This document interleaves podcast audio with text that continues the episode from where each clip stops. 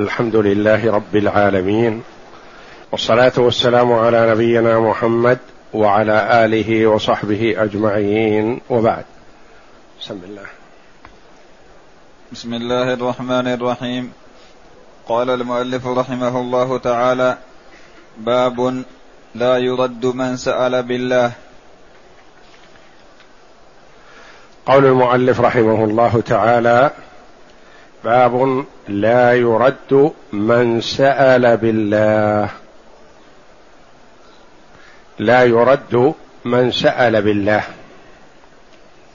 يعني أن المرء إذا سأله سائل بالله تعالى فيستجيب. إذا كان قادرا على ذلك ولا ضرر عليه فيستجيب. إعظاما وإجلالا لمن سئل به. فالمرء سأل بالله وأنت أعطيت لله. فلا ترده هذا إذا كان باستطاعتك وبدون مشقة عليك استجابة طلبه وإذا كان في ذلك ضرر عليك أو سألك بالله أمرا محرما أو لا يجوز لك فلا تطيعه. نعم. عن ابن عمر رضي الله عنهما قال قال رسول الله صلى الله عليه وسلم من سأل بالله فأعطوه ومن استعاذ بالله فأعيذوه ومن دعاكم فأجيبوه ومن صنع إليكم معروفا فكافئوه. فإن لم تجدوا ما تكافئونه فادعوا له حتى تروا أنكم قد كافأتموه. رواه أبو داود والنسائي بسند صحيح. عن ابن عمر رضي الله عنهما قال قال رسول الله صلى الله عليه وسلم من سأل بالله فأعطوه. المؤلف رحمه الله بوب على لفظ هذا الحديث. لا يرد من سأل بالله. إذا سألك أخوك المسلم بالله وأنت قادر على إجابة واستجابة طلبه فأجبه إعظاما وإجلالا لله. من سأل بالله فأعطوه ومن استعاذ بالله فأعيذوه. استعاذ بالله منك فأعذه. هذا إذا كان ما طلبه مباح. أو استعاذ بالله منك من شر توصله إليه فأجبه فيجب أن تعيذه وتمنع عنه الشر. وإذا استعاذ بالله منك من أمر في أمر يجب عليه القيام به فلا تعذه بل ألزمه بذلك. مثلا تقول له قم إلى الصلاة. يقول أعوذ بالله منك. يلزمك إذا استعذت بالله منك أن تذهب وتتركني. أقول لا لا أتركك لأنك استعذت بالله لتقع في الحرام وأنا أريد إنقاذك من هذا الحرام. النبي صلى الله عليه وسلم لما أدخلت عليه ابنة الجون قالت أعوذ بالله منك. قال عليه الصلاة والسلام لقد عذت بمعاذ الحقي بأهلك. وفي رواية أنها قيل لها إذا أردت أن تحظي عنده فإذا قرب منك فقولي أعوذ بالله منك. لتكون غالية عنده. فقالت ذلك فأمرها النبي صلى الله عليه وسلم أن تلحق بأهلها. طلقها. وفي بعض الروايات أنها قالت له إن ابنة الملوك لا تصلح للسوقة. للناس العاديين. يعني أنت إنسان عادي وأنا ابنة ملوك. ما تصلح لي. فطلقها النبي صلى الله عليه وسلم بهذا اللفظ الحقي بأهلك لما قالت أعوذ بالله منك. قال لقد عدت بمعاذ يعني عدت بمن يعيذك مني ومن غيري فالحقي بأهلك اذهبي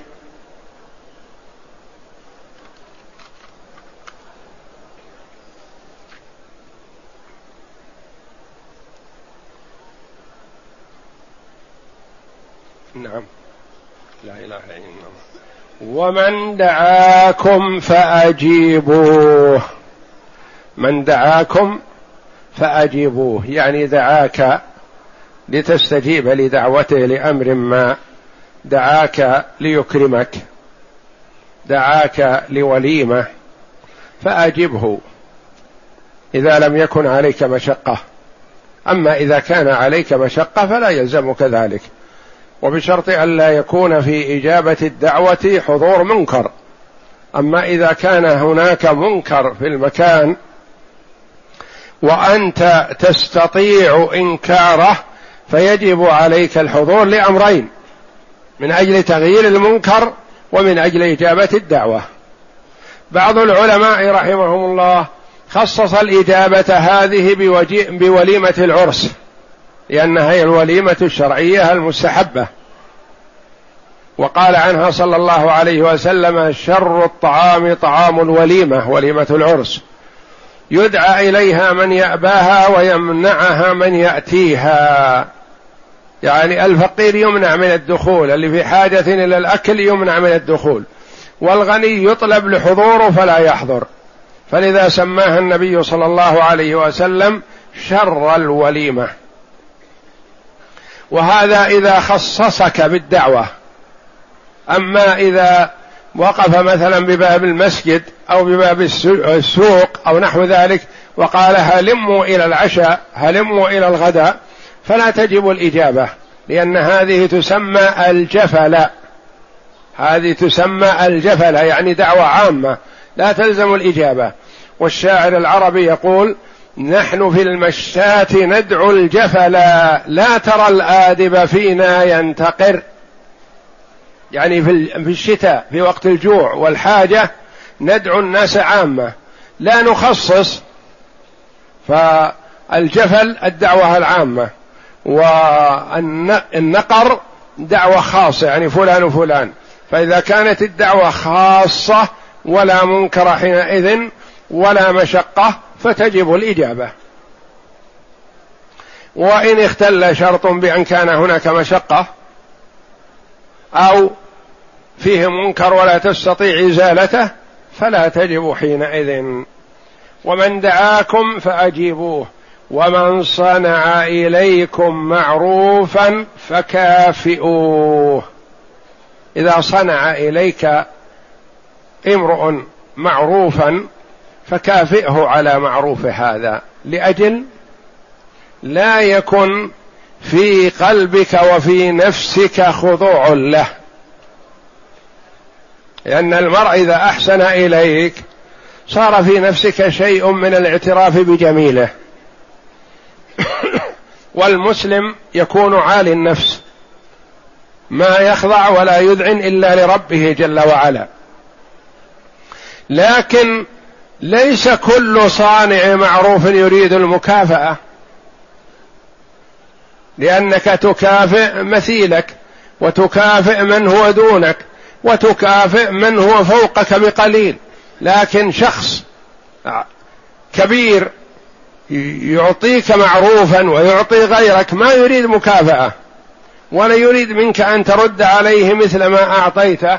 ما تصنع؟ بين هذا صلى الله عليه وسلم قال فإن لم تجدوا ما تكافئوه فادعوا له حتى تروا وفي رواية تروا أنكم كافأتموه.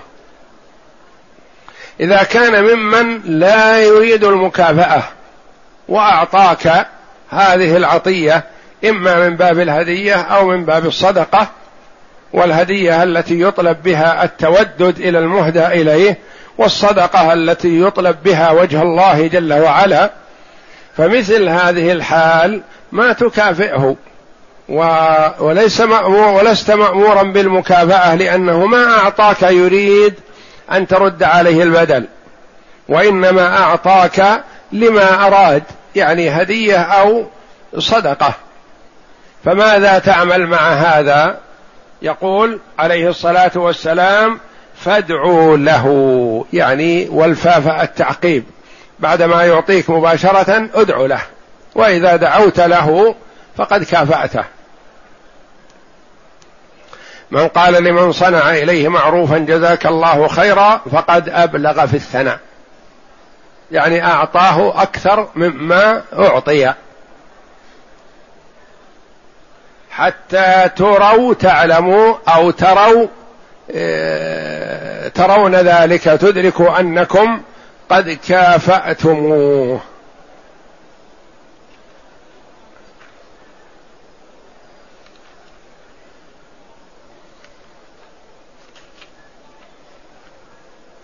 نعم. باب لا يسأل بوجه الله إلا الجنة. باب لا يسأل بوجه الله إلا الجنة. وجه الله عظيم. ويجب إعظامه ويجب إجلاله ويجب احترامه. فلا تسأل بوجه الله مثلا شيئا من حطام الدنيا من الله أو من غير الله. لا تقل مثلا لأخيك المسلم أسألك بالله أن تعط بوجه الله أن تعطيني عشرة ريالات. ما يليق مثل هذا. وجه الله أعظم وأجل. فتسأل بوجه الله أعظم شيء الذي هو الجنة. أعظم ما يسأله السائل من ربه جل وعلا الجنة لأنها يترتب عليها الرضا رضا الله جل وعلا. ما يعطيك الجنة إلا وهو راض عنك. فتسأل بوجه الله جل وعلا الجنة والمخلوق لا تسأله بوجه الله. لأن المخلوق ما يملك من الجنة شيء وإنما يكون السؤال من الله جل وعلا الجنة. ولا تسأل بوجه الله الله جل وعلا شيئا يسيرا. تقول اللهم أسألك بوجهك العظيم مثلا أن تيسر لي كذا وكذا. أمر سهل. من أمور الدنيا لا. إذا أردت أن تسأل بوجه الله فلا تسأل إلا ما هو على قدر ذلك الذي هو العظيم الجنة. وما دون ذلك اسأل الله جل وعلا. اسأل الله جل وعلا كل شيء تريده من أمور الدنيا والآخرة. لكن لا تسأل بوجه الله تعظيما لله تبارك وتعالى. نعم. عن جابر رضي الله عنه قال قال رسول الله صلى الله عليه وسلم لا يسأل بوجه الله إلا الجنة. رواه أبو داود. عن جابر رضي الله عنه قال قال رسول الله صلى الله عليه وسلم لا تسأل لا تسأل بوجه الله إلا الجنة ولا تسألوا بوجه الله إلا الجنة. يعني ما ينبغي للمرء أن يسأل بوجه الله إلا الشيء العظيم. هذا توجيه من النبي صلى الله عليه وسلم. وإشعار للأمة بجلال الله وعظمته وأن يسأل بوجهه شيئا دون الجنة. ودل هذا الحديث على إثبات الوجه لله تبارك وتعالى على ما يليق بجلاله وعظمته. فنثبت ما أثبته الله جل وعلا لنفسه وأثبته له رسوله صلى الله عليه وسلم من غير تحريف ولا تشبيه ولا تمثيل ولا تعطيل. فالله جل وعلا أثبت لنفسه الوجه في قوله تعالى ويبقى وجه ربك ذو الجلال والإكرام ويبقى وجه ربك ذي الجلال والإكرام في الآية الأخرى في, في آخر سورة الرحمن مرتان. هذه الآية مكررة. فلا يسأل بوجه الله إلا الجنة وفي هذه الآيات إثبات أن لله وجها وحذار أن يقع في نفسك شيئا من التمثيل أو التشبيه فالله جل وعلا ليس كمثله شيء وهو السميع البصير. واحذر التعطيل الذي وقعت فيه المعتزلة والجهمية.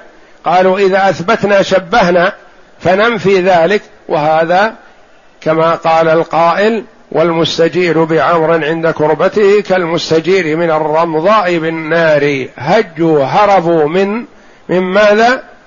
من التمثيل ووقعوا في التعطيل الذي هو أسوأ وأخبث.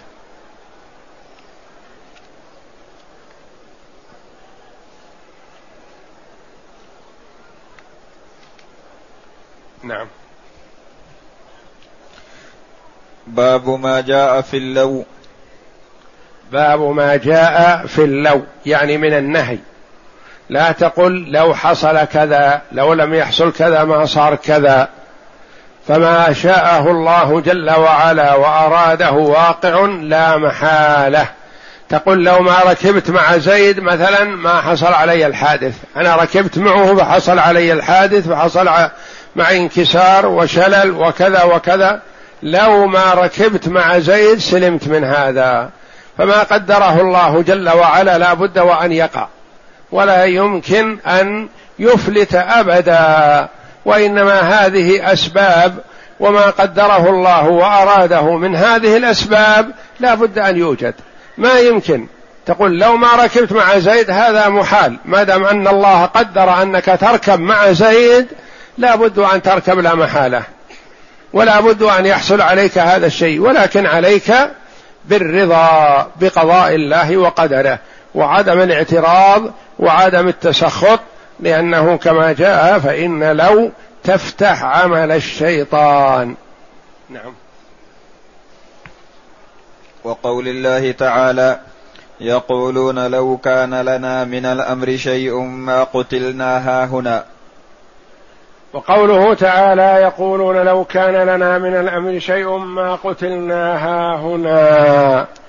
هذه الكلمة قالها الله جل وعلا عن المنافقين في غزوة أحد. لما أشير على النبي صلى الله عليه وسلم بالخروج وكان بعض المشيرين أشار إلى النبي صلى الله عليه وسلم بالبقاء في المدينة والتحصن بها ومقاتلة من يأتي من داخل البيوت. وممن أشار بهذا عبد الله بن أبي بن سلول رأس المنافقين. وكان هذا رأي النبي صلى الله عليه وسلم. لكن بعض الصحابة رضي الله عنهم الذين فاتتهم موقعة بدر أحبوا أن يعطوا من أنفسهم ويروا الله من أنفسهم خيرا بالجهاد في سبيله فألحوا على النبي صلى الله عليه وسلم في الخروج.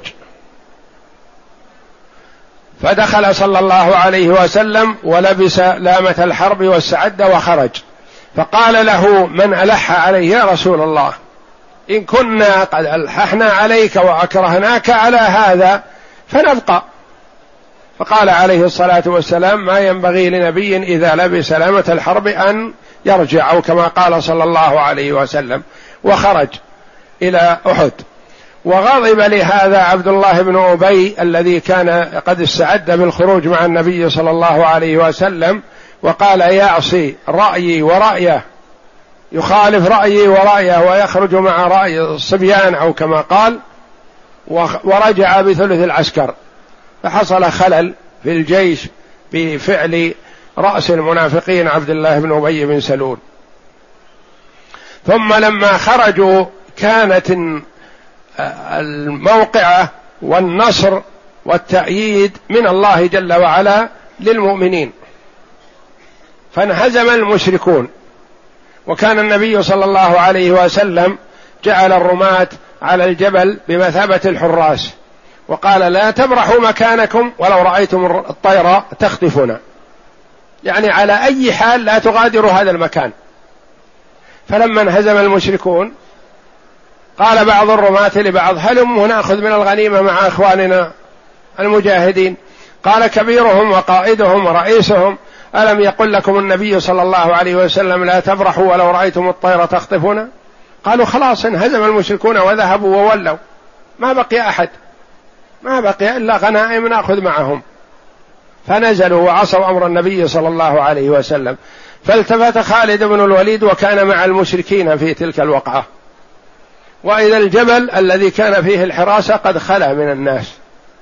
فالتف بالجيش وعاد إلى مكان المعركة وحصلت المعركة فكانت الهزيمة على المسلمين بسبب معصية أمر رسول الله صلى الله عليه وسلم. واستشهد من استشهد من المسلمين. فقال إخوانهم من المنافقين إخوانهم في النسب وإخوانهم في البلد وإلا فليس المنافق بأخ للمؤمن. قالوا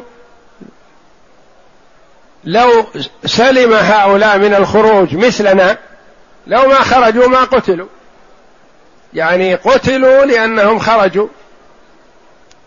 لو كان لنا من الأمر شيء ما قتلنا ها هنا.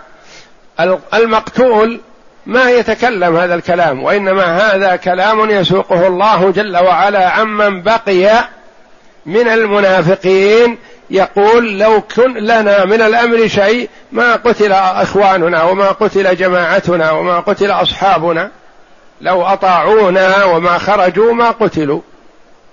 فقال الله جل وعلا قل فادرأوا عن أنفسكم الموت إن كنتم صادقين. يعني ما تملكون هذا يقولون لو كان لنا من الأمر شيء ما قتلنا ها هنا. قل لو كنتم في بيوتكم لبرز الذين كتب عليهم القتل إلى مضاجعكم وليبتلي الله ما في صدورهم وليمحص ما في قلوبهم والله عليم بذات الصدور. الآية. يعني أن هذا شيء بقضاء الله وقدره وسجل في الأزل بأنه لا بد أن يحصل. ويحصل النصر أولا للمسلمين ثم تحصل الهزيمة بعد ذلك بسبب معصية أمر النبي صلى الله عليه وسلم.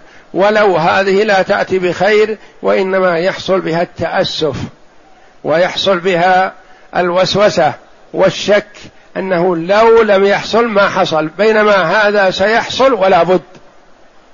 يقولون لو كان لنا من الأمر شيء ما قتلنا ها هنا. يعني لو أن محمدا صلى الله عليه وسلم أطاعهم في عدم الخروج يقول ما حصل قتل. نعم. وقوله الذين قالوا لإخوانهم وقعدوا لو أطاعونا ما قتلوا. وهذه الآية كذلك في نفس موقعه أحد. الذين قالوا لإخوانهم وقعدوا يعني تخلفوا عن الخروج لو أطاعونا وتخلفوا معنا وما خرجوا ما قتلوا. يقولون هذا وقال الله جل وعلا قل فادروا عن أنفسكم الموت إن كنتم صادقين. ما تستطيعون. الشيء المكتوب لا بد وأن يقع ولا محالة. ولا يجوز للمسلم أن يقول لو كان كذا كذا إلا إذا كان على سبيل آه، التأسف على أمر خير. أو على شيء مستقبل لو كان هذا مستقبل مثلا لو كان مثل قول النبي صلى الله عليه وسلم لو استقبلت من أمري ما استدبرت ما سقت الهدي ولا حللت معكم. لما رأى الصحابة رضي الله عنهم تباطؤوا في التحلل قال لو استقبلت من أمري ما استدبرت يعني لو كان الآن وقت الإحرام ما أحرمت بالحج والعمرة معا ولا ما سقت الهدي ولا حللت معكم.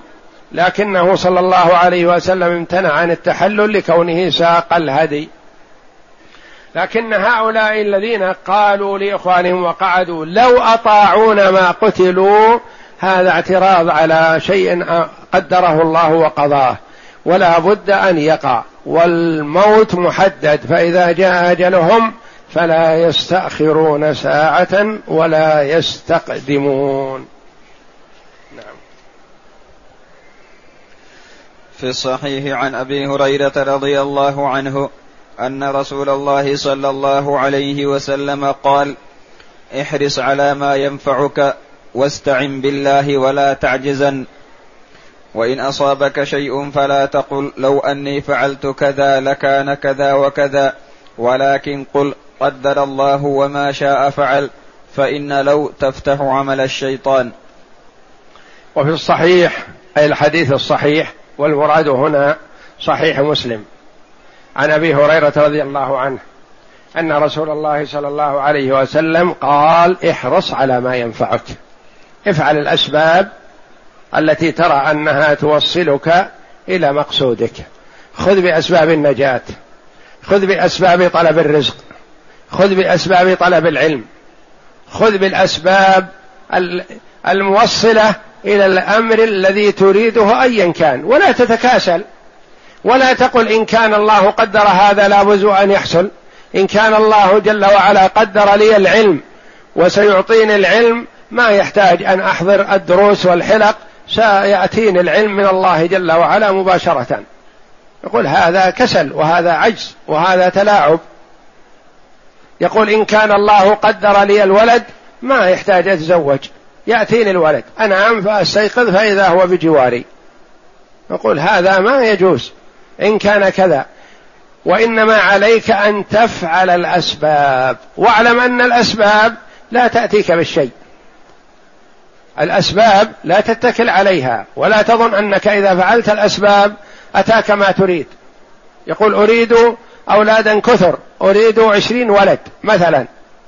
وأتزوج أربع نسوة وأتسرى من الإماء الشيء الكثير ليكثر أولادي. قد يفعل هذه الأفعال كلها ولا يأتيه ولا بنت ولا ولد. لأن هذه التي فعلها أسباب قد تنفع وقد لا تنفع. وقد يتزوج الرجل امرأة واحدة مريضة فتنجب له أولادا كثر. فعلى المرء أن يفعل الأسباب ولا يتكل عليها. وهذا معنى قوله صلى الله عليه وسلم احرص على ما ينفعك. الذي ترى أن فيه نفعا لك احرص عليه. احرص على مذاكرة دروسك قبل الامتحان. ولا تقل إن كان الله قسم لي النجاح ما يحتاج ذاكر احرص على ما ينفعك. اطلب الرزق اطلب الكسب الحلال. اعمل ابحث. إذا ذكر لك شيء ما تريده فاسعى إليه واذهب إليه. ولا تقل إن كان الله قسم لي ذلك فسيأتيني الرجل يطق علي الباب. لا يا أخي افعل. افعل الأسباب. لو أنكم توكلتم على الله حق توكله لرزقكم كما يرزق الطير تغدو. قال تغدو خماصا وتروح بطانا. ما تجلس في أوكارها؟ وإنما تغدو تفعل الأسباب. ويرزقها الله جل وعلا. وأنت كذلك. افعل الأسباب واطلب الشيء من الله جل وعلا. ولا تتكل على سببك وإنما افعله واحرص عليه. احرص على ما ينفعك. واستعن بالله. لا تعتمد على السبب. قد تفعل السبب ولا يحصل لك شيء. لكن افعل السبب واستعن بالله. اطلب من الله العون. كن مع الله. توجه إلى الله في طلب هذا. اجتهد في دروسك واطلب من الله النجاح. ادخل السوق واطلب من الله الربح. ابحث عن عمل واسأل الله جل وعلا أن يوفقك. وهكذا. واستعن بالله ولا تعجزا لا تعجز. هذه النون نون التوكيد الخفيفة. لا تعجز عن طلب الأسباب. افعل الأسباب واجتهد فيها واحرص عليها. وإن أصابك شيء فلا تقل لو أني فعلت كذا لكان كذا وكذا.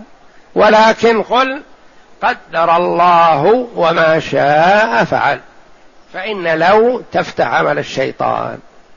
إذا دخلت إلى السوق تريد الربح مثلا فاشتريت بضاعة فخسرت فيها. ثم اشتريت بضاعة تريد الربح من ورائها فخسرت فيها. فتقول مثلا لو أني ما خرجت هذا اليوم كان سلمت من الخسارة. نقول لا لو هذه تفتح عمل الشيطان. هذا شيء مقدر. تقول مثلا جلست ذاكر كل الليل ودخلت الامتحان وأنا مرهق فما أجبت. لو أني ما ذاك ما جلست للمذاكرة كل الليل ليمكن نجحت. نقول لا تقل لو. أنت افعل الأسباب الموصلة لحاجتك واستعن بالله واتكل على الله ولا تقل لو لأن كلمة لو تفتح عمل الشيطان الذي هو الوسوسة والشك والاعتراض على ما قضاه الله جل وعلا وقدره. وإن أصابك شيء يعني خلاف ما تريد فلا تقل لو أني فعلت كذا لكان كذا وكذا. حرصت على أن تركب مع زيد فركبت تقول لو أني ما ركبت مع زيد سلمت من هذا الحادث. نقول هذا شيء مقدر لا تقل لو. مقدر بأنك تركب ويحصل كذا وكذا. ولكن قل قدر الله وما شاء فعل. التفات إلى الله جل وعلا وتعظيما له وأن هذا بقضائه وقدره والمؤمن يرضى بقضاء الله وقدره ويصبر ويحتسب ويفرح بالنعمة ويستعين بها على الطاعة ويحتسب المصيبة ويرضى بقضاء الله وقدره ويطلب الله من الله جل وعلا التعويض. في الدنيا والآخرة أو في الآخرة. ولكن قل قدر الله وما شاء فعل. يعني هذا الذي قدره الله جل وعلا وهو يفعل ما يشاء سبحانه. فإن لو تفتح عمل الشيطان لو هذه إذا أدخلتها جعلت عندك التأسف وعدم الرضا والشك والوسوسة فيتسلط عليك الشيطان. فإذا أبعدت عنها ولم تلفظ بها ولم تلتفت إليها سلمت بإذن الله من تلاعب الشيطان بك. والله أعلم. وصلى الله وسلم وبارك على عبده ورسول نبينا محمد وعلى آله وصحبه أجمعين.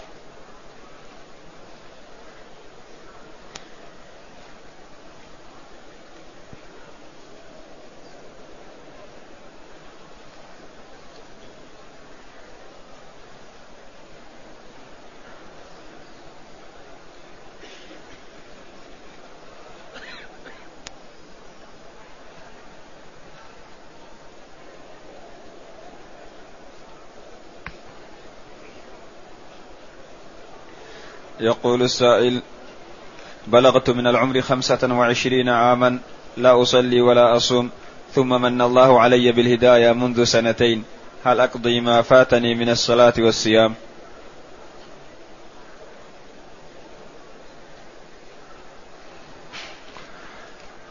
يقول بلغت خمسة وعشرين سنة ولا أنا لا أصلي ولا أصوم ثم من الله علي بالهداية منذ سنتين.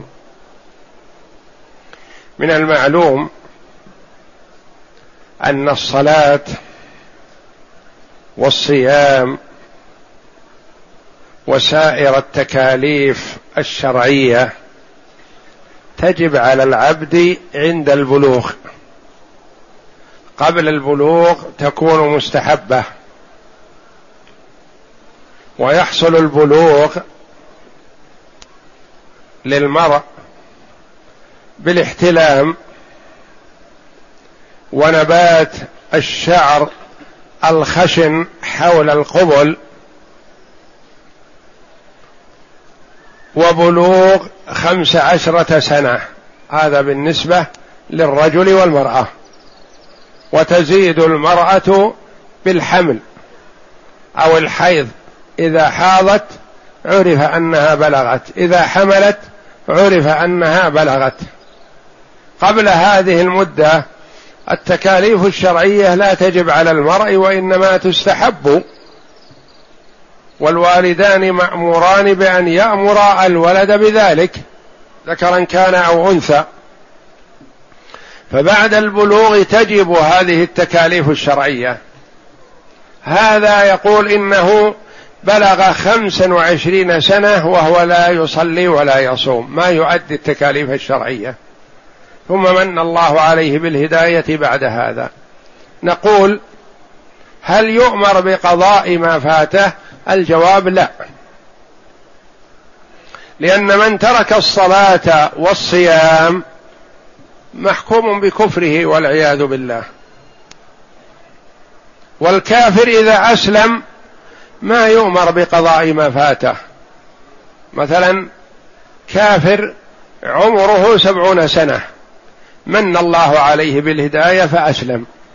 نقول له اقض ما عليك من حين بلغت إلى مدة سبعين سنة. لا.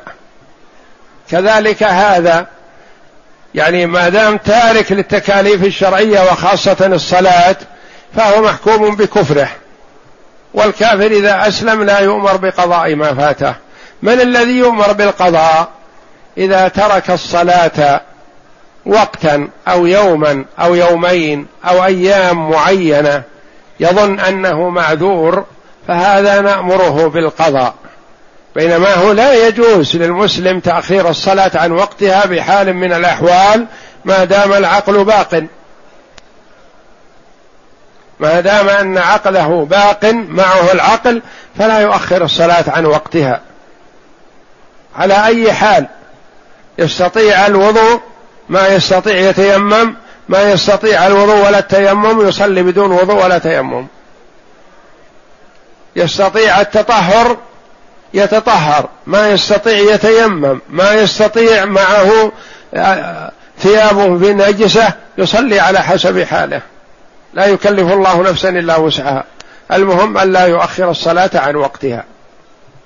لكن يجهل بعض الناس إذا دخل المستشفى ولاحظ أن في ثيابه وفراشه فيه نجاسة قال إن شاء الله إذا خرجت بعد يومين أو ثلاثة أغتسل وأصلي كل الصلوات اللي علي نقول لا يا أخي هذا خطأ.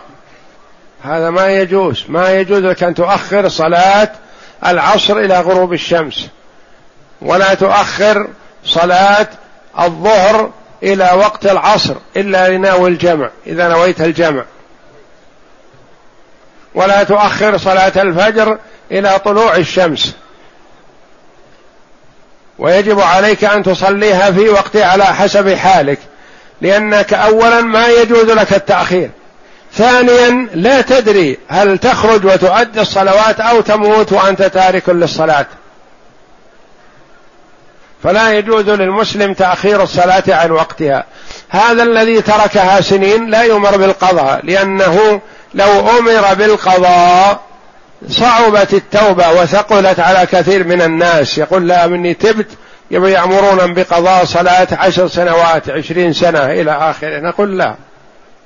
وبعدين التارك للصلاة محكوم بكفره والكافر لا يؤمر بقضاء ما فاته وإنما عليه أولا وقبل كل شيء أن يحمد الله جل وعلا الذي من عليه بالهداية. لأنه لو مات على طريقته السابقة لكان من أهل النار.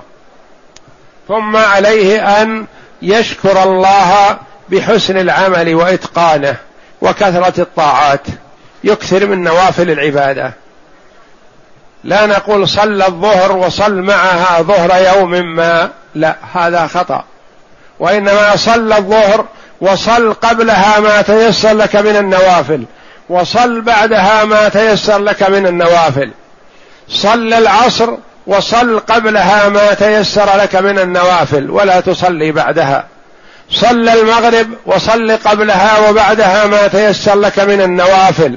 صل العشاء وصل قبلها وبعدها ما تيسر لك من النوافل وإن شئت إلى طلوع الفجر. من غروب الشمس إلى طلوع الفجر كل هذا وقت للصلوات النافلة والحمد لله. فيكثر من نوافل العبادة. شكرا لله جل وعلا وعلامة على صدقه في توبته. يصوم نفلا يتقرب إلى الله بصوم النفل صوم الاثنين صوم الخميس صوم الاثنين والخميس صوم ثلاثة أيام من كل شهر. ويكثر من الصيام يكثر من الصدقة. يكثر من الأعمال الصالحة شكرا لله جل وعلا الذي من عليه بالهداية قبل الممات.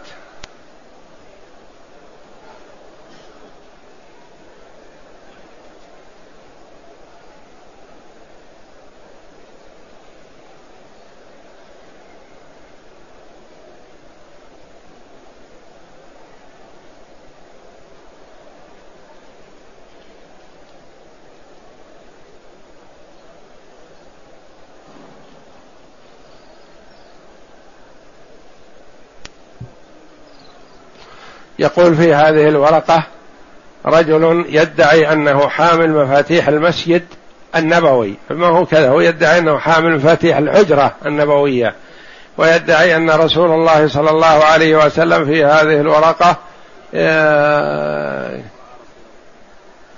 آه، اللي هو قال فيها كل هذا افتراء وكذب والورقة هذه مزورة ولا أصل لها وقد حقق فيها العلماء رحمهم الله فما وجدوا لهذا القائل وجود وإنما هذه خرافة من المخرفين الضالين الذين يريدون إضلال الناس.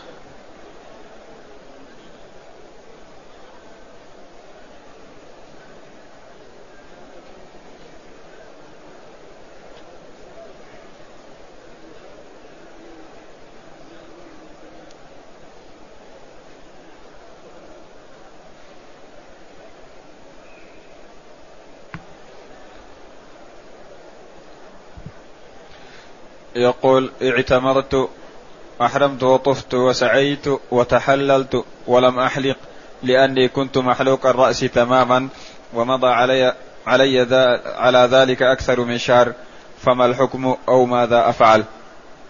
كان الواجب عليه أن يمر الموسى على رأسه لأن الحلق أو التقصير نسك والله جل وعلا يقول فاتقوا الله ما استطعتم.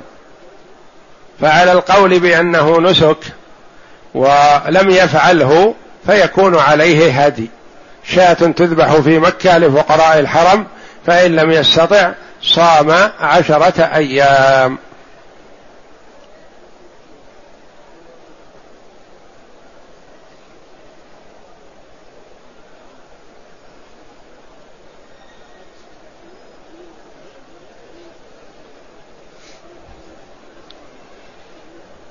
يقول الذي يصلي في المسجد الحرام أيهما أفضل له؟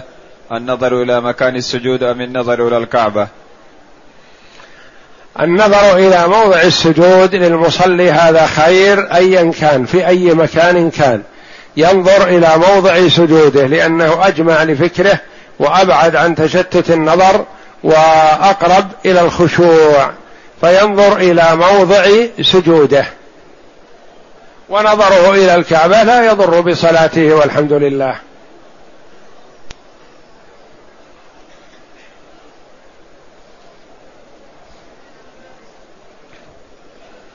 يقول هل الحاج من مكة عليه وداع؟ إذا كان من مكة ولا يريد الخروج مقيم فليس عليه وداع لأن الوداع للسفر. أما إذا أراد الخروج من مكة فيرى كثير من العلماء أنه لا ينفر ولا يخرج من مكة إلا بطواف الوداع. يقول أخرت طواف الإفاضة حتى يوم النفر ثم طفت وسعيت. هل علي طواف وداع؟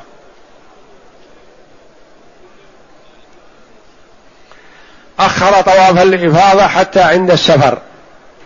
إذا لم يكن عليه إلا طواف الإفاضة فلا بأس.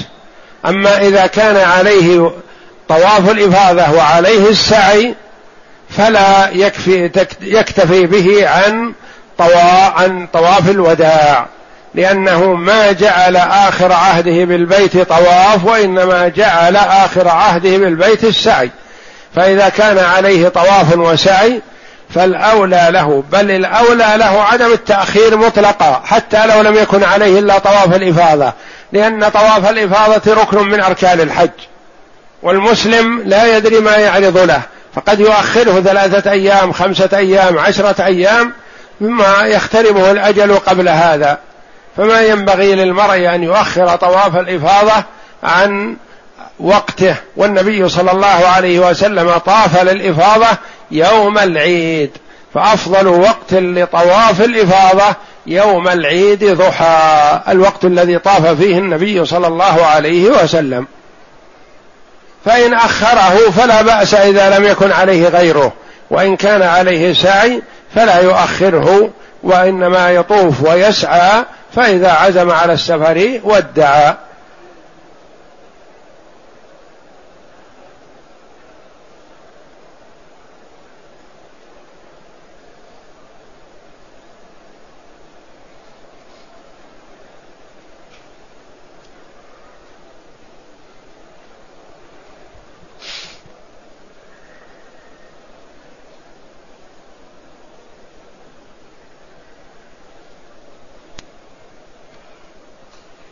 هذه المرأة التي تريد أن تهب لأولادها أو لأولاد زوجها في حال صحتها تتصرف بمالها كيف شاءت بالعطاء ما لم يكن في ذلك إثم. لا تفضل بعض أولادها على بعض و ولا تعطي بقصد حرمان الوارث من التركة فإذا أرادت أن تعطي تبررا أو هدية أو مقابل صنيع حسن فلها ذلك ولا حرج عليها بشرط إذا كانوا أولادها كلهم تسوي بينهم. أما إذا كانت تريد تعطي أولاد زوجها لإحسانهم إليها فلا بأس عليها بهذا بخلاف ما إذا أعطت بعض ولدها دون بعض فيجب عليها التسوية كما يجب على الوالد.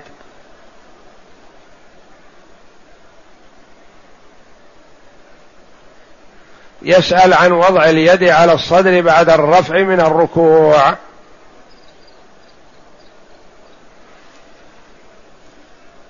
يقول العلماء رحمهم الله ما ورد عن النبي صلى الله عليه وسلم بعد الرفع من الركوع وضع اليدين على الصدر ولا إرسالهما.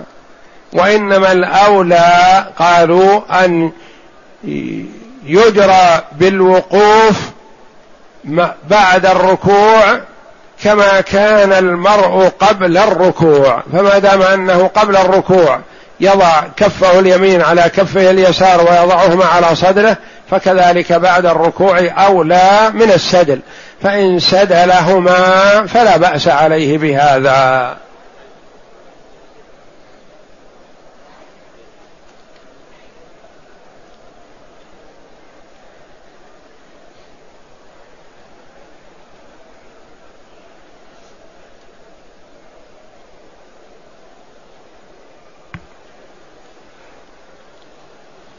يقول ما هو آخر موعد لصلاة الضحى.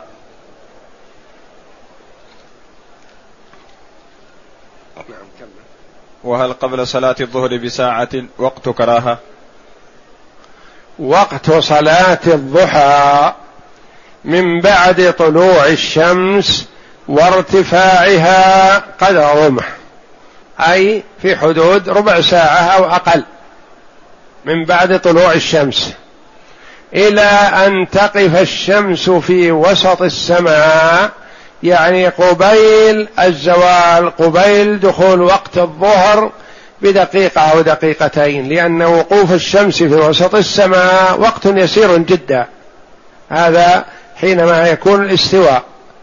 يعني تكون في وسط السماء لا تميل إلى جهة الغروب ولا إلى جهة المشرق. تكون في الوسط. هذا وقت وسط النهار الذي هو تكره فيه الصلاة. بعد هذا تزول إلى جهة الغروب. فإذا وقفت الشمس في وسط السماء حينئذ انتهى وقت صلاة الضحى. يعني تقريبا قبل صلاة قبل الأذان قبل دخول وقت صلاة الظهر بثلاث دقائق أو خمس دقائق أو أقل من ذلك لأنه شيء يسير. فكل هذا وقت لصلاة الضحى وأقل صلاة الضحى ركعتين ولا حد لأكثرها. والوارد عن النبي صلى الله عليه وسلم أنه أكثر ما صلى ثمان ركعات ولم يمنع من الزيادة صلوات الله وسلامه عليه.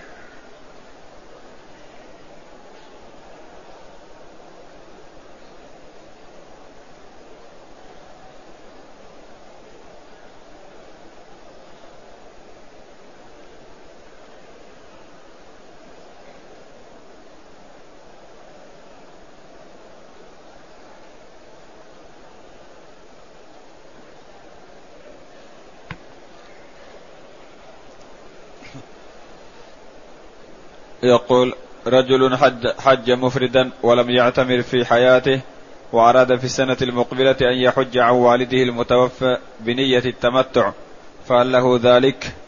وماذا يترتب عليه؟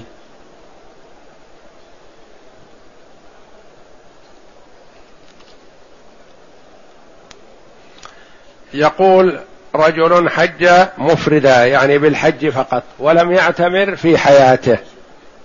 ويريد أن يحج عن أبيه بحج التمتع. نقول لا ما يجوز مثل هذا. لأنه كأنه يريد أن يعتمر عن أبيه قبل أن يعتمر عن نفسه. يجوز أن يحج عن أبيه.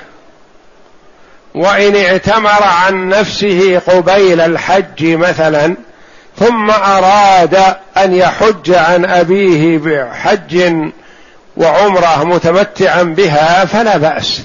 المهم أن يعتمر عن نفسه اولا.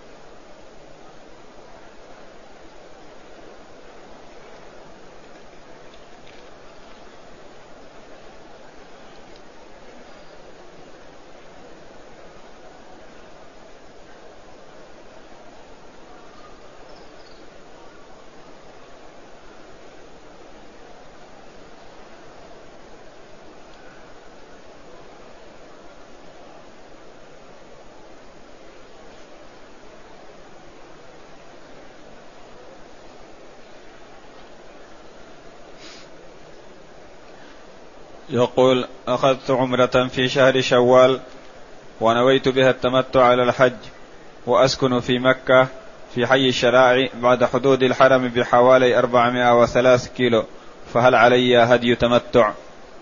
ما يصير الشرائع 403 كيلو لعله يقول ثلاثة أو أربعة كيلو. ثلاثة أو أربعة كيلو. إذا كان يسكن في الشرائع المتصلة بمكة فهذا من حاضر المسجد الحرام. حتى ولو اعتمر في أشهر الحج فلا يلزمه هدي إنما الذي يلزم الهدي غير سكان مكة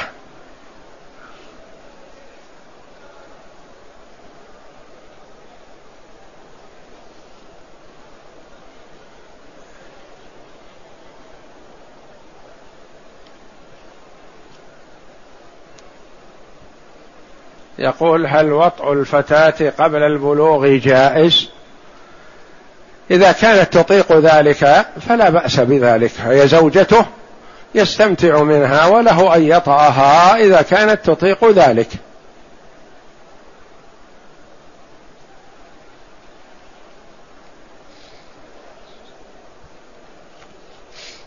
يقول ما حكم استخدام المسبحة؟ استعمال المسبحة إذا كان قصد بهذا العدد فقط فهذا جائز. وإن ظن أن هذا قربة وعبادة فهو بدعة حينئذ يكون لأنه تقرب إلى الله بما لم يشرعه النبي صلى الله عليه وسلم. أما إذا قصد بهذا العدد فقط فلا بأس بهذا لأن النبي صلى الله عليه وسلم مر بامرأة وبين يديها نوى أو حصى تسبح بها يعني تعد بها. فقال لها النبي صلى الله عليه وسلم ألا أدلك على ما هو خير وأفضل؟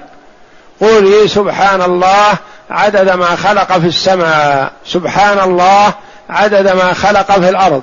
سبحان الله عدد ما بينهما. سبحان الله عدد ما هو خالق. والله أكبر مثل ذلك والحمد لله مثل ذلك ولا إله إلا الله مثل ذلك ولا حول ولا قوة إلا بالله العلي العظيم مثل ذلك. فهذا خير وأفضل لأنه إذا قال سبحان الله عدد ما خلق في السماء سبحان الله عدد ما خلق في الأرض سبحان الله عدد ما بينهما سبحان الله عدد ما هو خالق من أول الدنيا إلى آخرها. ثم قال والله أكبر مثل ذلك والحمد لله مثل ذلك ولا إله إلا الله مثل ذلك ولا حول ولا قوة إلا بالله العلي العظيم مثل ذلك هذا خير عظيم. وإنما يستحب عدد ما ورد عده أن يقول بعد بعد الصلوات سبحان الله والحمد لله والله أكبر ثلاثا وثلاثين مرة ويقول تمام المئة لا إله إلا الله وحده لا شريك له له الملك وله الحمد وهو على كل شيء قدير هذه يعدها. وما وقول لا إله إلا الله وحده لا شريك له له الملك وله الحمد وهو على كل شيء قدير. يستحب أن يقولها في اليوم مئة مرة ويستحب أن يقولها بعد صلاة المغرب وبعد صلاة الفجر عشر مرات. هذه يعدها. ويستحب أن يقول سبحان الله وبحمده في اليوم مئة مرة تغفر خطاياه وإن كانت مثل زبد البحر. هذا خير. وما لم يرد عن النبي صلى الله عليه وسلم عده فلا ينبغي أن يعده لا بأنامله ولا ب ولا بحصى ولا بسبحه ولا بنوى وإنما يكثر من ويأتي بجوامع الكلم مثل قوله صلى الله عليه وسلم سبحان الله وبحمده عدد خلقه ورضا نفسه وزنة عرشه ومداد كلماته. هذه لا يقوم لها شيء. سبحان الله وبحمده عدد خلقه ورضا نفسه وزنة عرشه ومداد كلماته. سبحان الله عدد ما خلق في السماء سبحان الله عدد ما خلق في الأرض سبحان الله عدد ما بينهما سبحان الله عدد ما هو خالق. والله أكبر مثل ذلك والحمد لله مثل ذلك ولا إله إلا الله مثل ذلك ولا حول ولا قوة إلا بالله العلي العظيم مثل ذلك. يكثر من ذكر الله جل وعلا ولا يعد إلا ما ورد العدد ما ورد الأمر بعده. لأنه ربما يعد كثيرا فيدخله العجب والعجاب بعمله فيحبط عمله والعياذ بالله.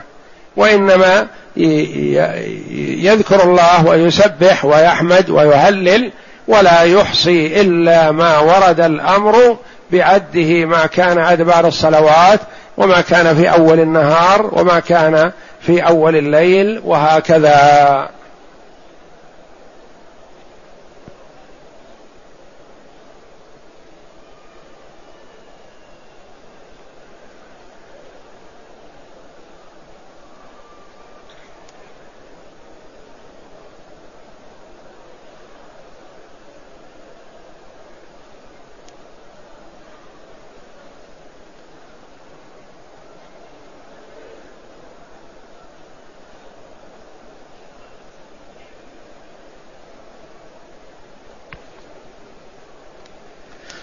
يقول هل يجوز ذبح دم التمتع قبل يوم النحر؟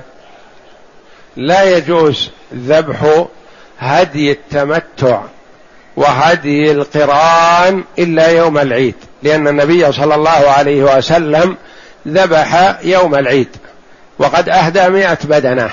فلو كان الذبح جائز قبل هذا لبدأ بذبحها من يوم قدم إلى مكة عليه الصلاة والسلام. في اليوم الرابع من ذي الحجة والناس في حاجة إلى اللحم ويوم العيد يكثر اللحم. فذبح صلى النحر هذه الهدي يوم العيد عليه الصلاة والسلام وهو المشرع للأمة.